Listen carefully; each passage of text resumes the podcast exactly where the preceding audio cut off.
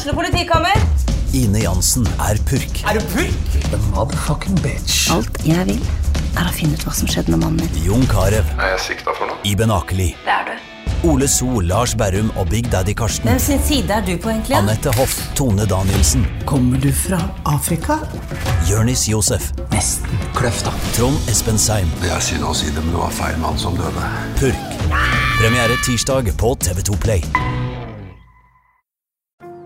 Ungsamtalen fra DNB er økonomisk veiledning tilpasset deg som er ung.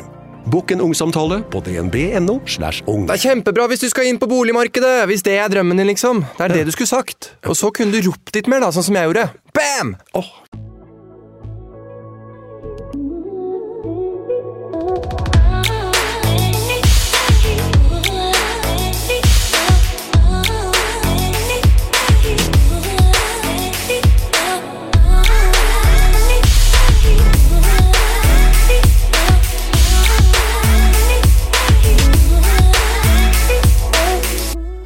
Det er eh, 2009, og Birgit er i Thailand. Hun er 19 år gammel og er på reise, en reise hun lenge har gleda seg til, før hun skal ta fatt på studier hjemme i Norge. Og hun er i Thailand og jobber på barnehjem. Dagen det er snakk om, begynner helt normalt. Eller så normalt det kan være når man er på reise i Thailand. Birgit er på stranda og skal bade. Hun hopper ut i vannet etter kompisen hennes som nettopp har hoppet uti før henne. Birgit lander med beina først. Hun lander på noe hun ikke skjønner hva er, og vannet rundt henne blir rødt. Da hun kommer opp fra vannet, er foten hennes revet av, og den henger kun i huden. Birgit ble operert to ganger i Malaysia før hun får komme hjem. Hjemme venter det 16 nye operasjoner, og under den siste operasjonen går det galt. I et intervju med KK kaller Birgit det for et rutineuhell for det gikk galt da legene skulle ta en såkalt epidural bedøvelse. Hun forteller også om dagene etter sprøyten, og at hun gradvis mistet evnen til å bevege beina. De tre første månedene levde hun med håpet om at lammelsen var forbigående. Det hadde skjedd med andre før, og det kunne skje. Men det viste seg at Birgit kom til å måtte belage seg på en helt ny hverdag. En hverdag i rullestol. Siden da har hun tatt ti VM-medaljer. Seks i roing og fire i langrenn. Og hun er regjerende verdensmester. Hun er verdensrekordholder i roing, og hun har vunnet verdenscupen sammenlagt i begge grener. Og hun er et fantastisk forbilde. For Birgit er ikke en av de som gir seg. Hun er blid som en sol, og hun er flinke til å minne oss på hvor heldige vi er. Ja, og hva kroppene våre duger til. Selv om man sitter i rullestol. Da Birgit fikk beskjed om at hun var blitt lam, fikk hun et blackout, før hun etter en liten stund snudde seg mot moren sin og sa Men mamma, jeg skal jo bli minister, og det trenger jeg ikke bein til. Dette går bra. I dag er hun gjest i podkasten min, og jeg gleder meg til å snakke med Birgit om trening, om kropp og hvor hun henter kraften sin fra.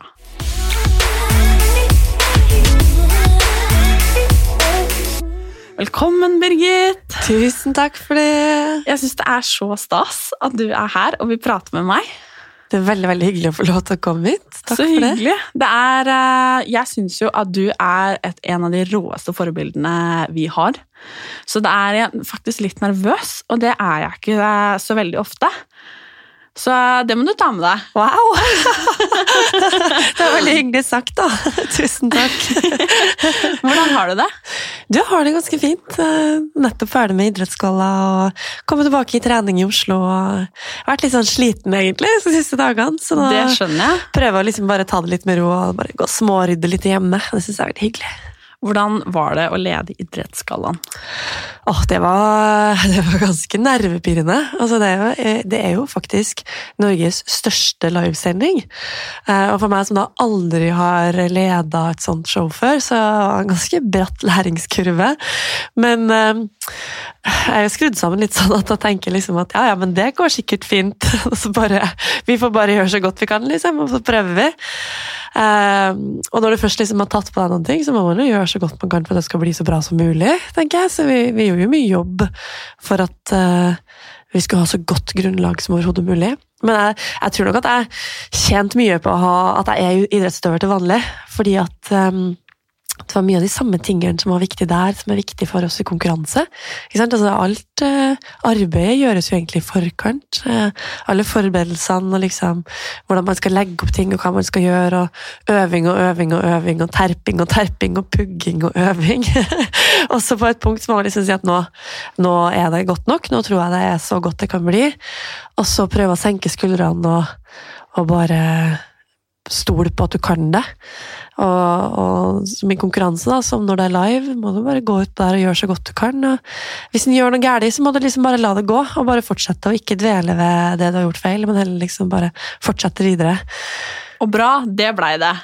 jo, det ble, jeg tror det ble ganske bra. Det ble i hvert fall veldig, veldig kult.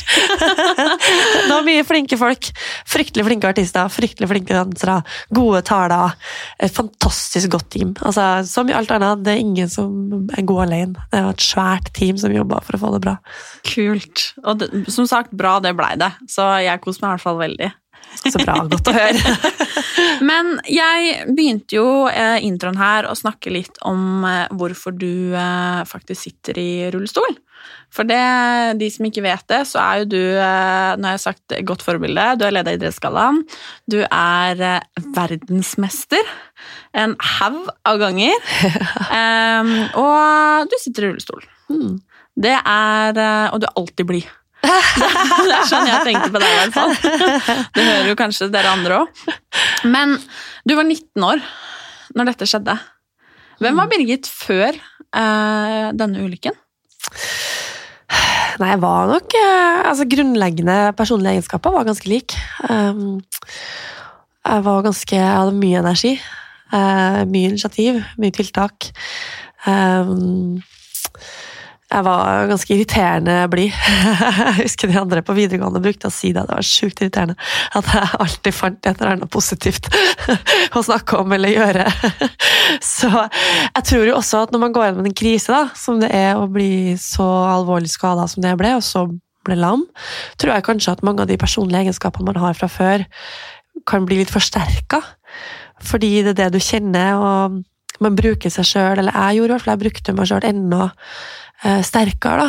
Eh, fordi du er nødt til å liksom samle deg og samle alt det du har for å komme igjennom det. Så ja, nei, jeg er nok en ganske lik utgave. En av de første tingene jeg tenkte etter at jeg hørte at jeg var lam, var jo at eh, ja, men det går jo ikke, det passer jo ikke for meg.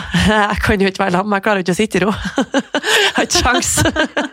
Jeg kan, jeg, kan, jeg kan, ikke være lam, sorry, liksom. Det, det går jo ikke an. Og så, og så, gikk det jo an, da. Men jeg bestemte meg ganske fort for at jeg liksom ville ha med meg rullestolen inn i mitt liv, da, heller enn at jeg ville tilpasse mitt liv inn i rullestolen, på en måte. Mm. Sånn at jeg tror nok at jeg har kommet fra det uh, med flere nyanser, kanskje, mer perspektiv, men som grunnleggende ganske likt menneske, da. Mm. Det er kanskje et rart spørsmål, men er du den dag i dag Hvordan på en måte stiller du deg til at det skjedde? Er du liksom bitter, eller er du takknemlig? Eller altså, kanskje rart å si at man er takknemlig for en, en sånn ulykke, men altså, du det har jo gått ganske bra siden også?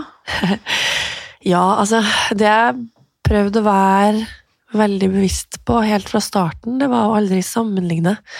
Altså aldri aldri tenke at sånn, var, sånn, her var det før, eller sånn var det da, eller sånn er det nå i forhold til før. Jeg, jeg bestemmer meg ganske fort for å liksom lage en sånn strek i sanda og si sånn Fra nå av kan jeg aldri sammenligne tilbake til sånn livet var før.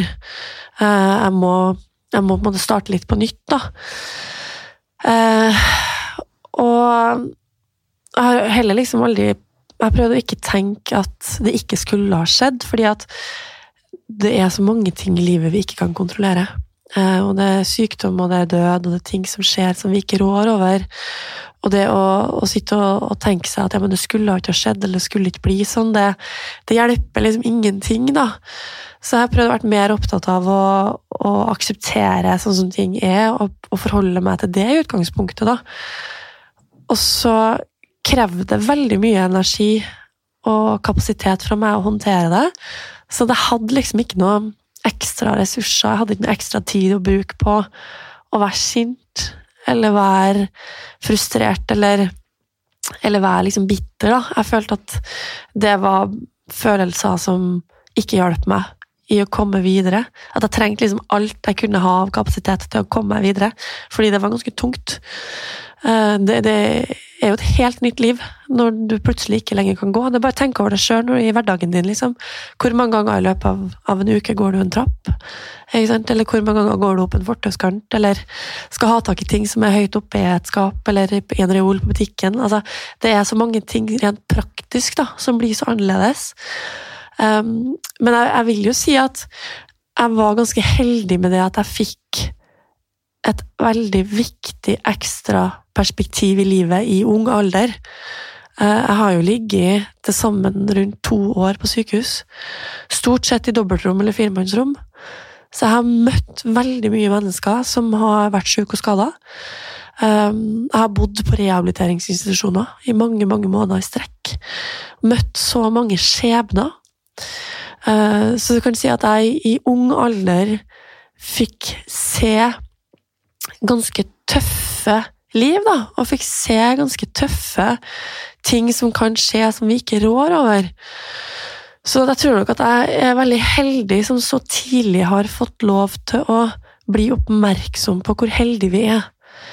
Eh, som så tidlig har fått lov til å se at livet har så mange flere nyanser og fasetter, og som igjen har gjort at jeg nok eh, kanskje ikke tar sånn på vei for ting som er ganske små.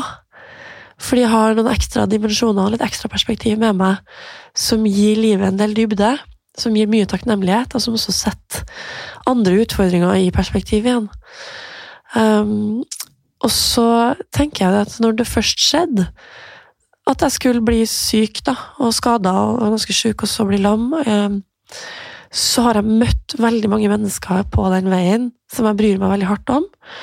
Så har jeg også fremdeles veldig tette og nære relasjoner med barndomsvenninner og med venner som jeg kjente før jeg ble skada, og som har kjent meg gjennom det, og som har stått med meg gjennom det som har gitt meg veldig mange gode opplevelser og mange gode nære bånd. Um, og så hadde jeg jo ikke drevet med toppidrett i dag hvis ikke det hadde vært for at jeg hadde blitt lam. Altså, jeg drev med mye idrett når jeg vokste opp, men uh, jeg satsa jo ikke da jeg ble skada og fant jo tilbake igjen til den idretten. Så da hadde jeg jo kommet til å dreve med noe helt annet, men jeg elsker jo livet mitt sånn som jeg har det i dag. Mm. og jeg elsker jo eh, de menneskene som jeg har i livet mitt, både i laget og så i de andre tingene jeg er involvert i. Sånn at um, jeg, er veldig glad i livet. Jeg syns at uh, jeg har mye å jobbe med og har det veldig bra sånn som det er. Så fint å høre. Ja. Det er veldig fint. For før du ble skada, så svømte du. Ja, det gjorde jeg. Jeg svømte i ti år. Ja. Hvordan var det å gjøre det etter du hadde blitt uh, skada? jeg syns det var veldig vanskelig. Mm. Um, um, jeg hadde jo ganske god teknikk i og med at jeg hadde svømt i såpass mange år. Og eh, jeg husker første gangen jeg skulle i et basseng etter at jeg hadde vært uh, jeg lam og skulle begynne å svømme noen lengder fram og tilbake. Og det gjør jo en forskjell å ikke kunne sparke med beina når du skal svømme. Klart det gjør en kjempeforskjell. de største muskelgruppene er jo der. Sånn at jeg målte meg mot de tidene jeg hadde klokka før, da jeg svømte aktivt, og var ikke i nærheten ikke sant, av å kunne måle meg med dem. Det syntes jeg var skikkelig vanskelig, fordi det var så veldig tydelig tilbakemelding da, på at uh, jeg hadde mindre, mindre, kapasitet i kroppen. Uh, jeg synes at det jeg, jeg, kunne jo for så vidt ha plukka av svømmingen, men jeg syntes det var så demotiverende å skulle jobbe med tida som var så mye dårligere da, enn det jeg hadde vært vant til å gjøre fra før. Mm. Uh, og det var ikke noe plankekjøring. altså De første par årene var beintøff. Fordi det er så mange ting som du må lære deg på nytt. Um, bare det å komme seg rundt om vinteren når det er glatt eller masse snø, og du sitter fast overalt. Brostein, små trapper, bære poser hjem fra butikken. Jeg hadde jo ikke bil, ikke sant? skulle ta, ta trikken og T-banen, og der var det jo trappa. Skal du krabbe, må du liksom ha på meg sånn overtrekksbukse og krabbe inn på trikken og dra stolen etter meg. Alt er så upraktisk. Jeg var mye sjuk. Veldig mye sjuk. Sånn at eh, det å liksom um, akseptere de nye premissene og akseptere de nye standardene, sånn som det å uh, Sånn som de svømmetidene. Det var ganske tøft, uh, men i den prosessen så så gjorde jeg også det. og tenkte, vet du hva, Da skal jeg kanskje ikke svømme, da. Hvis jeg blir liksom lei meg hver gang jeg ser hva jeg går inn på av, av tid. Så skal jeg kanskje heller finne på å gjøre noe annet. Så noen dører valgte jeg å lukke, og andre dører valgte jeg liksom å prøve å jobbe litt mer med. da. For hva gjorde at du begynte med toppidrett, langrenn og roing? Nei, eh, etter at jeg ble lam, så måtte jeg jo liksom bare ta fot i bakken med meg sjøl og tenke sånn Ok, men hva, hva kan jeg påvirke her? Eh, og da, Det var jo mange, det var egentlig helt absurd, men det var mange som kom bort til meg liksom, og klappet meg på skuldra og sa sånn Ja, ja, men du, du kommer til å lære deg å gå igjen, sjø. Du må bare ville det nok. Så jeg sånn Hæ? Jeg bare vil det nok? Jeg har en ryggskade, da. Det er ikke en viljeskade. Det er en ren fysisk skade i ryggen. Så sånn, jeg innså liksom at det er ikke alle ting jeg kan gjøre noe med. Altså, jeg jobba knallhardt fordi jeg tenkte at er det en bitte, bitte liten prosentdel eller promille sjanse for at, for at jeg skal kunne gå igjen, så skal jeg klare det. For jeg skal trene så mye som gjør at jeg skal klare det, hvis det er en sjanse. Men da vet jeg også at hvis jeg ikke klarer det, så går ikke det. Liksom. Da har ikke jeg muligheten til å gjøre det. Da er jeg for skada. Um, men det jeg kan påvirke, det er hvordan jeg skal liksom forholde meg til den nye tilværelsen. Så så, så jeg liksom på um, livsforventninga da, for damer, som da var uh, 84 år. Og så var jeg 20 år da jeg ble lam, så tenkte jeg ok, da, da, betyr det i så fall da, at jeg må være 64 år da, i rullestol. Hvis jeg lever til gjennomsnittsalderen for kvinner. Um, hva må til for å kunne leve et godt liv da, i de 64 årene? Og da um, tenkte jeg at greit, da, da trenger jeg egentlig tre ting. Og det ene er at jeg trenger å bli skikkelig god i rullestol. Jeg må bli skikkelig dyktig på teknikk, rett og slett, for å klare å komme meg dit jeg vil. Komme meg opp på den trappa og inn, opp fortauskanter og rundt omkring og ha med meg ting. Um, og det andre jeg må, må, være god til, det er liksom å tørre å prøve å komme meg tilbake til de tingene i livet som jeg syns er artig. For eksempel, jeg kan ikke gå i fjellet lenger, da, men da må jeg lære meg å ri. da. Kanskje jeg kan ri i fjellet i stedet, ikke sant? så kan jeg fremdeles komme meg ut i fjellet. Eh, jeg må lære meg å gå på ski, da, fordi det er viktig for familien min å gå på ski, så jeg kan være med dem på tur. Og det siste jeg må lære meg, det er at jeg må bli skikkelig sterk. Jeg må bli så sterk i overkroppen at jeg kan kompensere for noe av det jeg mangler i beina. Og så vet jeg jo det, da, at 20-årene bygger man jo fremdeles muskulatur.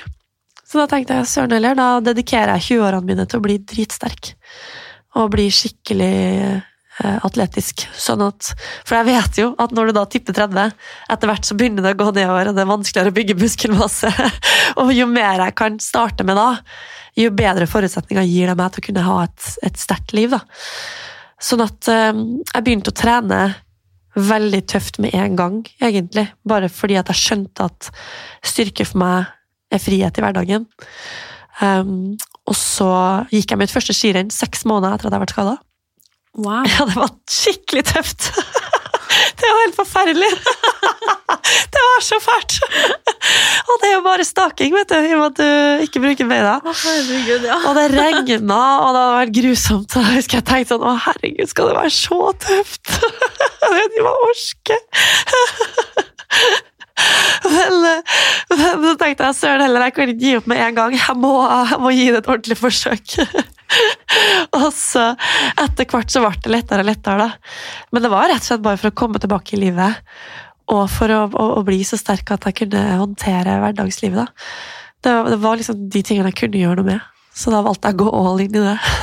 og du ble verdensmester. Både i langrenn og i roing. Hvordan kom du inn på roinga? Nei, jeg, jeg hadde jo gått noen år på ski, da. Og så trengte jeg mer å gjøre på sommeren, egentlig.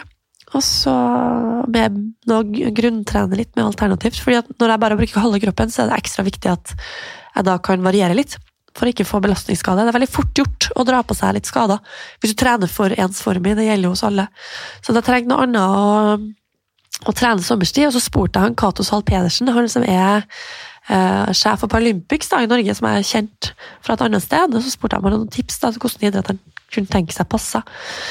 Og da sa han du må prøve roing.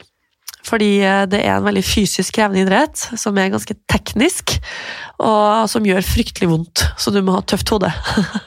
jeg tror at du kan klare det bra. og da starta jeg en klubb, da, og begynte å ro. Jeg ble tatt rett inn i guttegruppa, faktisk, til Kristiania roklubb.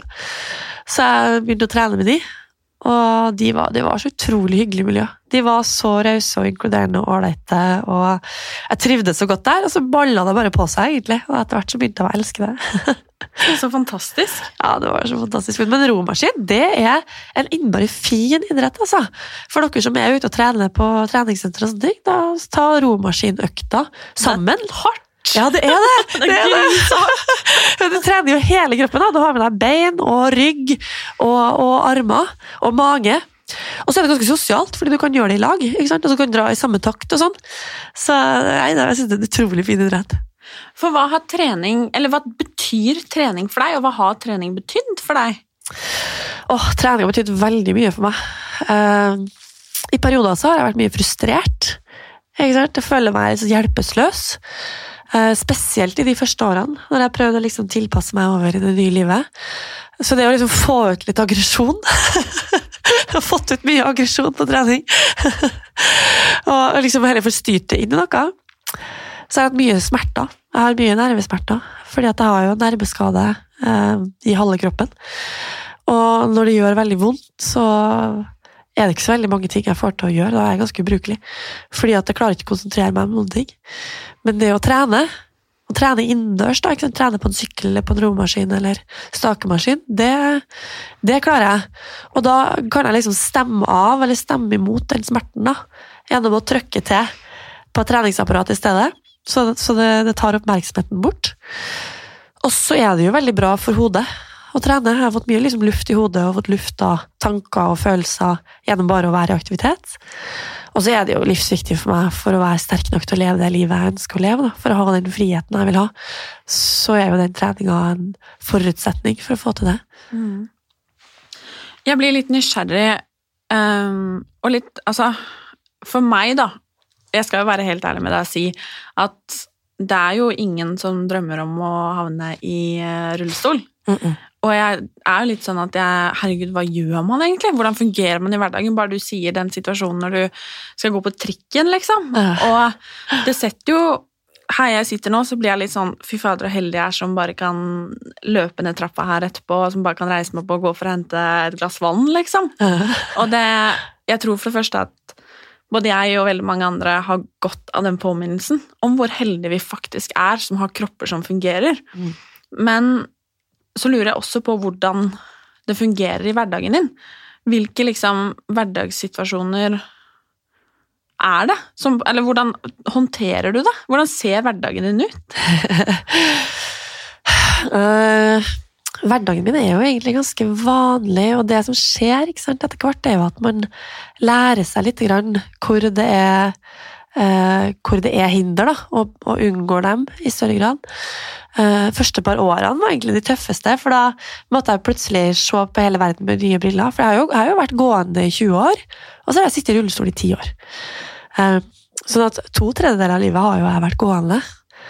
Og Eh, jeg måtte jo liksom lære meg hvordan samfunnet var satt sammen på nytt, da, på et vis. fordi jeg hadde jo aldri tenkt over det når jeg hadde vært en plass, om det var drapt eller ikke, f.eks. Eh, men, men det måten jeg merker det på, er jo spesielt hvis, skal, hvis, vi skal et sted, hvis jeg skal på en restaurant eller skal et eller annet sted med venner, så er det som regel en drapp. Um, så da handler det om at jeg f.eks. enten eh, timer meg inn så jeg kommer samtidig med den andre, så vi kan gå opp den trappa sammen. Eller at jeg krabber på rumpa da, og drar stolen etter meg. Um, så jeg må jo f.eks. kle meg hvis jeg skal ut med venninner og ikke vet hvor vi skal.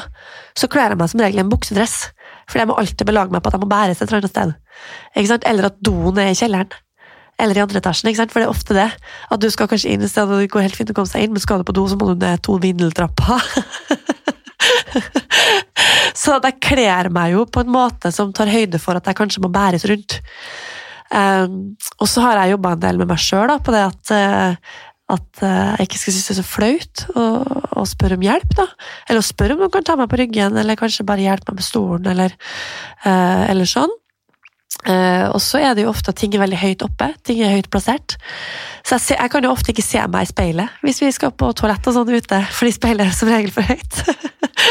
så jeg ser bare toppen av hodet mitt. så det gjør jo at jeg på en måte heller har med meg et lommespeil, da, hvis jeg må ha med det. um, Ellers så Jo, hvis jeg eksempel skal fikse et eller annet i en butikk, hvis jeg vet at jeg må ha tak i noen ting, så går jeg ofte inn på Google Maps og ser om jeg kan få et street view av butikken for å se om det er trapper inn eller ikke. Oh, ja. Og da hender det jo av og til at jeg må jakte butikker, da. Hvor jeg ser at det ikke er trapper inn, så jeg slipper å krabbe på bakken. For Jeg syns det er litt stress å krabbe på bakken, i hvert fall hvis det er snø og regn og sånn, fordi da blir jeg så Det så, så som regel er det jo, er det jo trapp, eh, men det kan man jo finne ut på Street View. Eh, og så eh, skal vi se of- andre ting da. Jo, hvis jeg skal ta trikk da, eller tog, så prøver jeg å finne ut om den trikken har trapper eller ikke, for det påvirker igjen da, hvordan jeg skal kle på meg.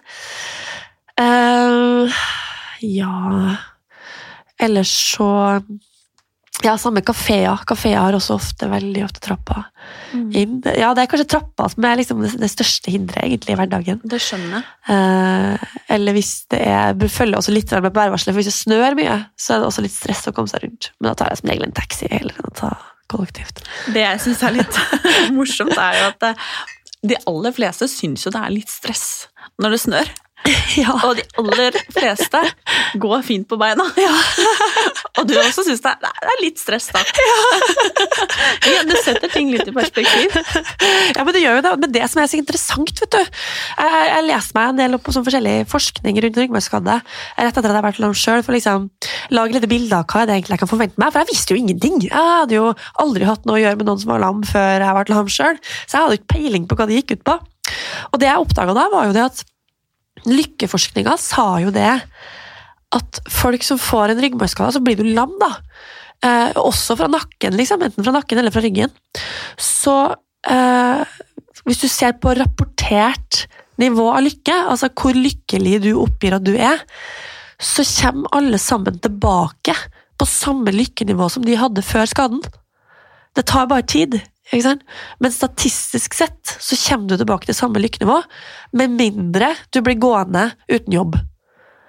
Om du har jobb eller ikke, en, gjør større utslag på rapportert lykkenivå enn om du er lam. Det er interessant. Det er kjempeinteressant. ikke sant? Og det betyr jo det at altså det, det nivået av lykke jeg hadde før jeg ble skada, statistisk sett så har jeg samme nivå i dag. Bare at nå lever jeg med en annen referanseramme. Sant? Så det, det passer jo med det du sier der. Ja, det er litt stress for meg når det er snø. og for meg så handler jo det om at det er dritvanskelig å komme seg gjennom snøen. Jeg blir skikkelig kald på hendene når jeg blir klissblaut. men, men du også syns det er litt irriterende med snø. men du har dine referanserammer. Men vi har nok, det, det kan godt tenkes at vi har på en måte samme rapporterte lykke i det for det. Fordi, fordi mine rammer bare har flytta seg litt. Det er veldig interessant. Det sier så mye om hvor mye hodet har å si, da. Mm.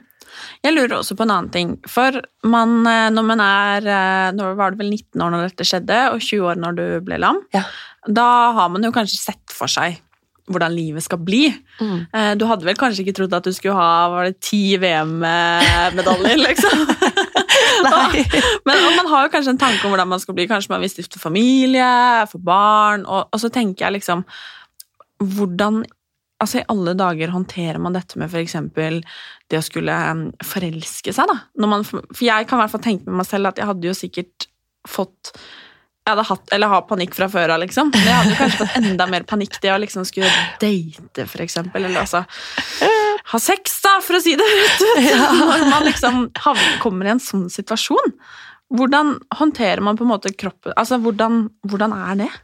Åh, jeg hadde skikkelig sånn angst for det. jeg at, eh, For jeg hadde jo en kjæreste da jeg ble lam, og vi var jo sammen i fire år.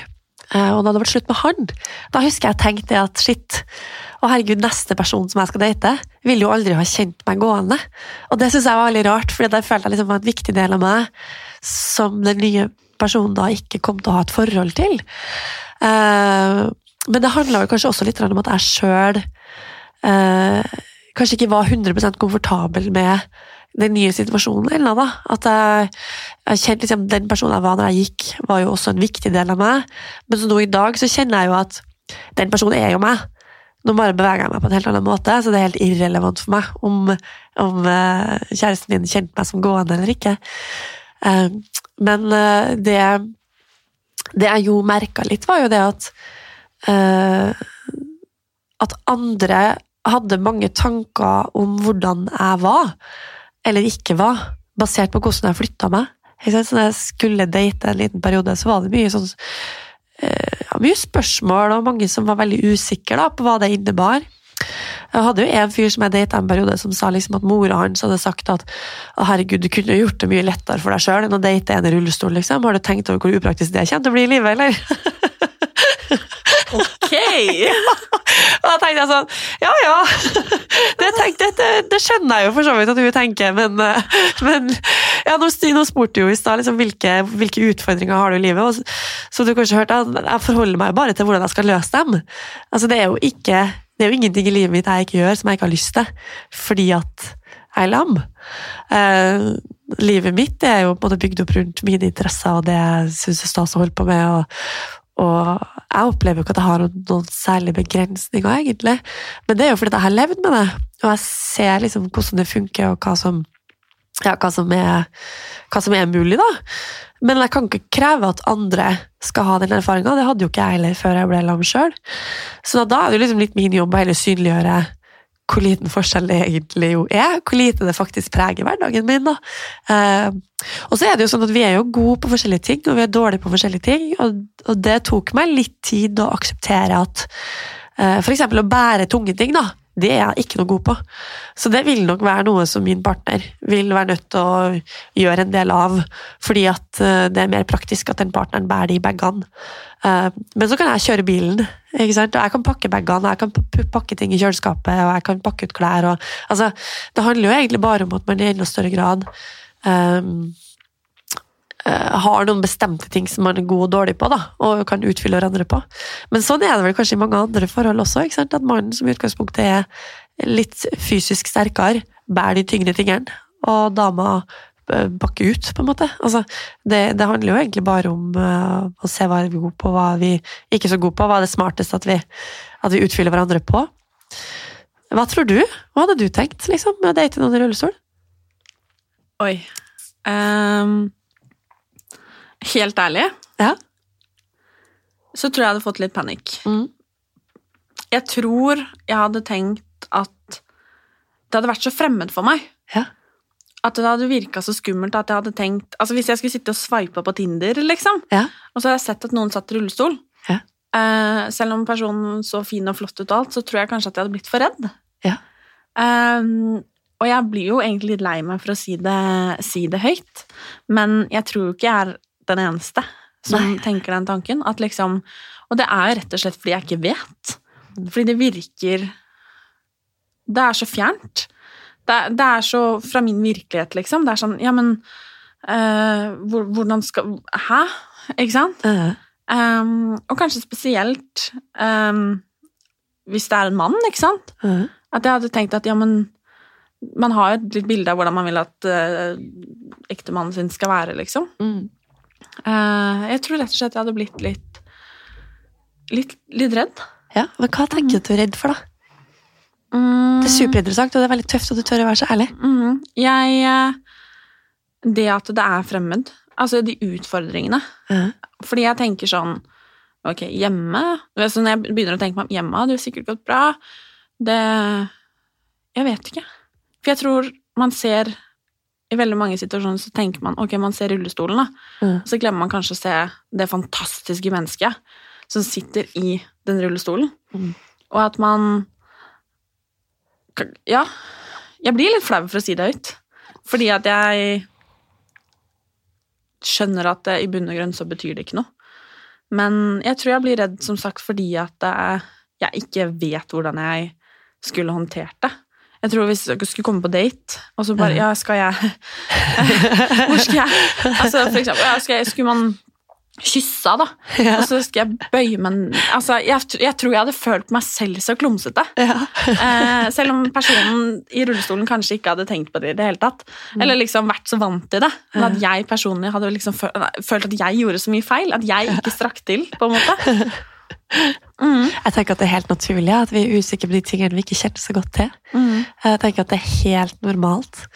Eh, Og så tenker jeg det er så bra liksom, man kan snakke litt om det, for jeg tror at uh, man føler kanskje at de forskjellene faktisk er større enn det de egentlig er. Eh, Og det er en av de tingene jeg har tenkt en del på, da, at uh, jeg har lyst til å være med og gi et ansikt da, til det å, å gjøre ting på en litt annen måte, og ufa, være med å ufarliggjøre det litt. Si sånn, ja, ja, nei, jeg sitter jo i rullestol, ja, det er noen ting som er litt ekstra keitete, men så er jeg utrolig heldig som har andre ting som gjør at livet er mindre keitete, ikke sant? For eksempel at jeg har mer perspektiv, da. Sånn at eh, små ting i hverdagen blir mindre krise. Masse takknemlighet. Um, åh, og så har jeg sånn blått parkeringskort.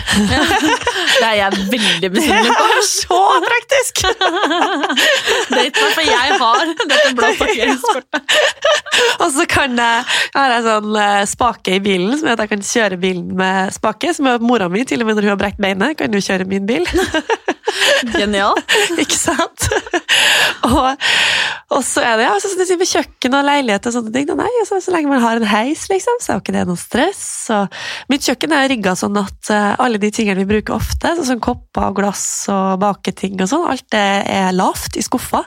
Men det er jo at vi har bare slengt ut alle overskapene, så vi har masse luft i kjøkkenet, så det er så luftig og fint. Å, deilig. Å, det er så deilig. sånn at jeg tror liksom at det er så fort gjort at man kan tenke på alle de tingene som man tror er forskjellige. Eh, og så når man først liksom møter noen og ser det mennesket i stedet, så blir det mennesket mer framtredende. da. Eh, ofte så når vi skal ut på tur og sånn, eh, eller jeg skal ut enten med venner eller med rolandslaget, da, som jeg trener med til daglig, så glemmer vi jo igjen rullestolen. Fordi alle glemmer at jeg sitter i rullestol. så jeg hopper jo bare inn i bilen, og så kjører vi, og så bare så er rullestolen! Vi må ha med rullestolen! og så tilbake og hente den. Og det er Rett og slett fordi at den ikke Den er ikke noen ting man tenker på. Eh, Den er liksom bare med.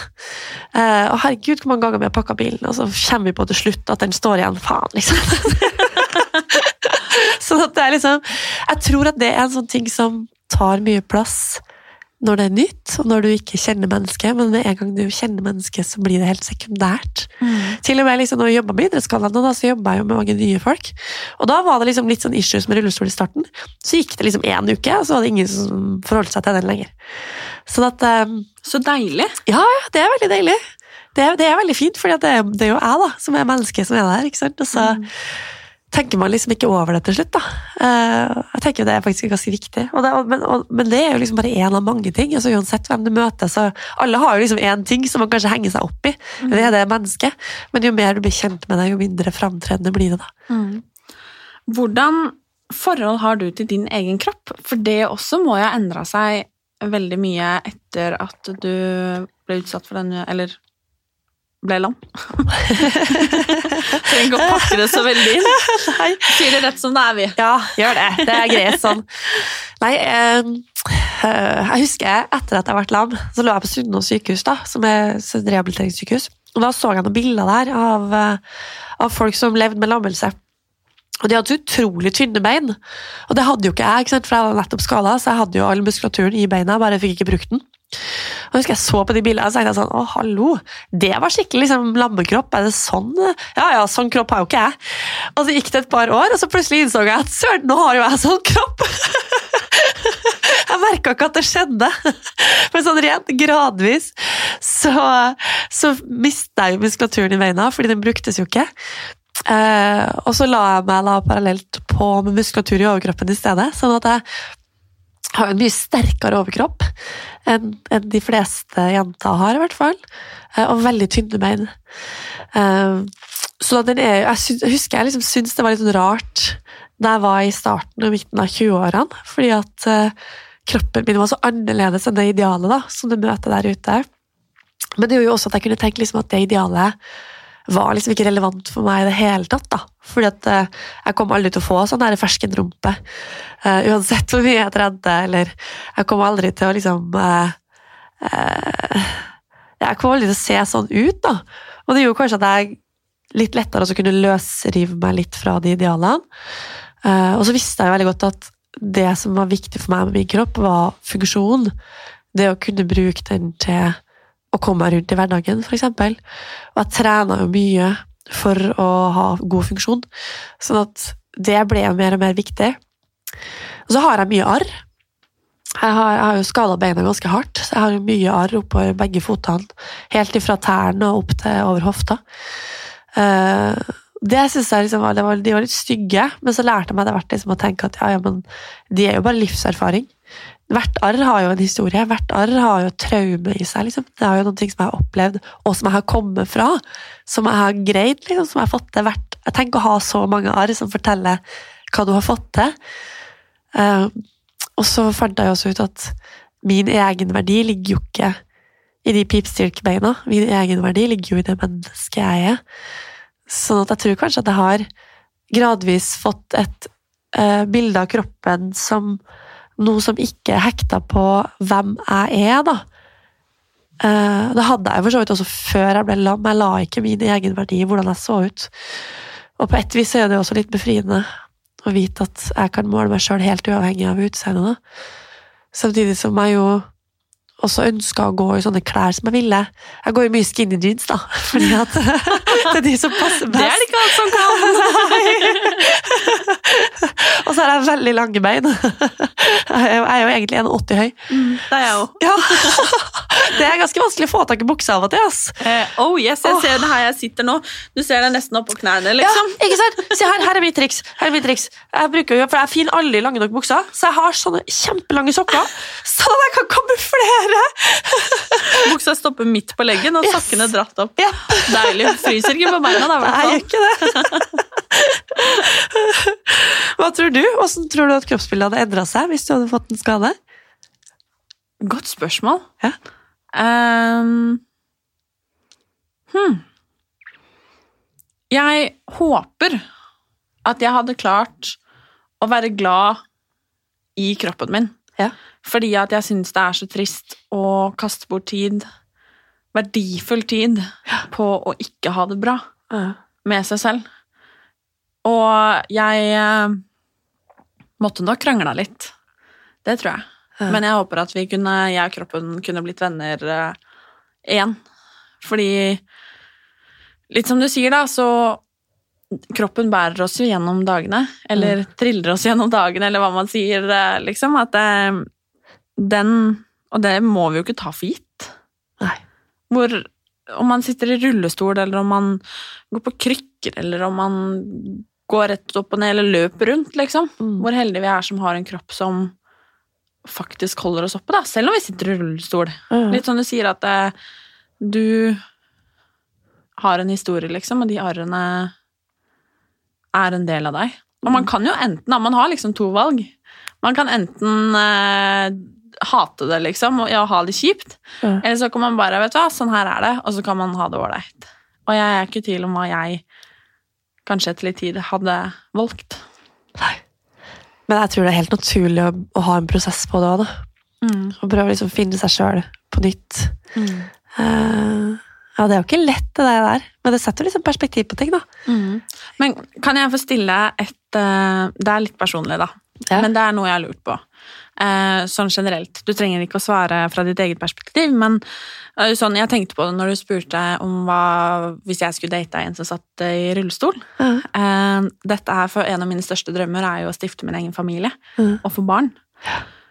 Kan du det? Ja. Ja, ja, ja. Så du kan bli Altså Ja, eller altså, det vil si alle damer har jo Eller altså, man kan på en måte aldri eh, love at man kan få barn før man har fått det. Selvfølgelig. Men, eh, men reproduktive organ er helt adskilt fra ryggmargen, sånn at det påvirkes ikke av en ryggmargskade. Sånn at eh, det er ikke noe forskjell på meg og deg. på på grunn av skaden. Ja, det er veldig bra. Det er Ja. veldig bra, og det er mange som får, eh, får barn i rullestol. Så det er ikke noe problem. Men, så det går fint å bære det frem selv om man er lam og alt dette her? Ja, liksom? ja, ja.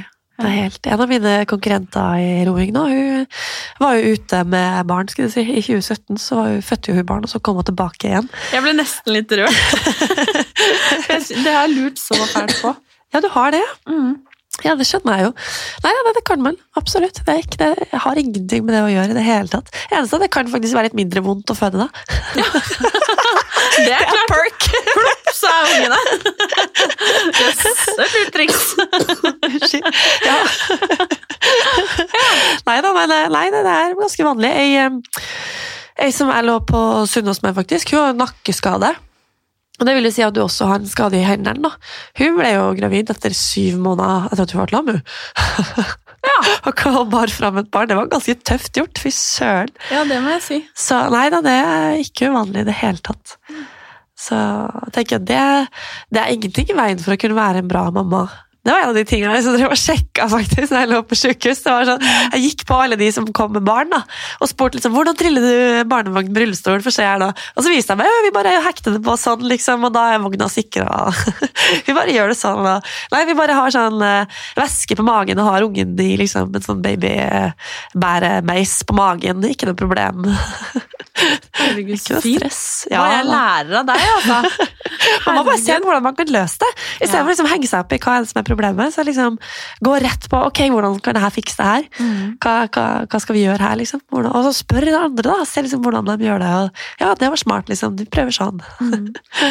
Skal- jeg skal avslutte med ett siste spørsmål, og det er fordi det er veldig mange som eh, sliter med f.eks. Eh, egen kropp, Ja. har mange kjipe tanker og syns det er vanskelig. Har du noe råd til de? Tenk på hva er det som er viktig med kroppen din. da? Hvorfor er kroppen din viktig for deg? Eh, hvorfor er det viktig at den ser ut på en bestemt måte, f.eks.? Eh, hva er det som er viktig for deg i ditt liv at kroppen din kan gjøre? Eh, jeg, tror liksom det å fokusere på funksjon over frem, fremtoning er, er viktig. Og så er det helt greit å også eh, tenke mye på hvordan man ser ut, eller å ønske at man skal se ut på en gitt måte, men tenk at eh, det du kan gjøre noe med eh, eh, Det er jo det aller viktigste. Og så kunne jo alle på en måte vært trent som en toppidrettsutøver hvis man hadde villa det. Men ønsker du å prioritere det i ditt liv? Fordi det krever, det krever mye jobb, da. Vekk deg opp imot andre ting som gjør deg lykkelig. Ha et litt sånn avklart forhold til hva, hva er viktig for meg her, og hvorfor er det viktig. Og er jeg villig til å uh, legge den innsatsen i det på bekostning av andre ting, da, for å få til det. Fordi det er fort gjort å tenke seg at man skal liksom ha, være så perfekt på alle områder, men ingen klarer å være perfekt på alt. Du må liksom velge deg noen ting som er spesielt viktig for deg, og jobbe ekstra hardt for det, og så må vi akseptere at andre ting bare ikke blir sånn som du egentlig kanskje hadde ønska deg det, da. Eh, Og velge, også velge bort.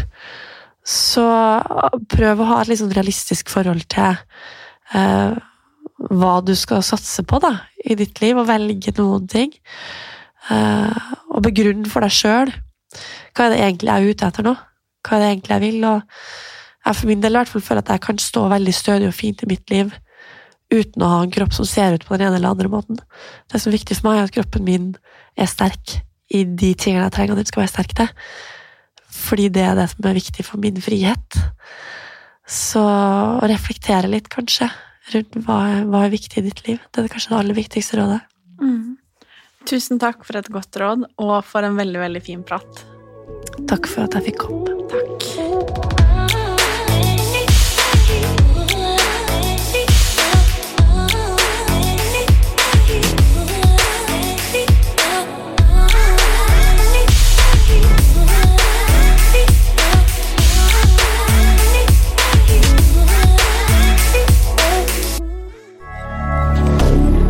moderne media.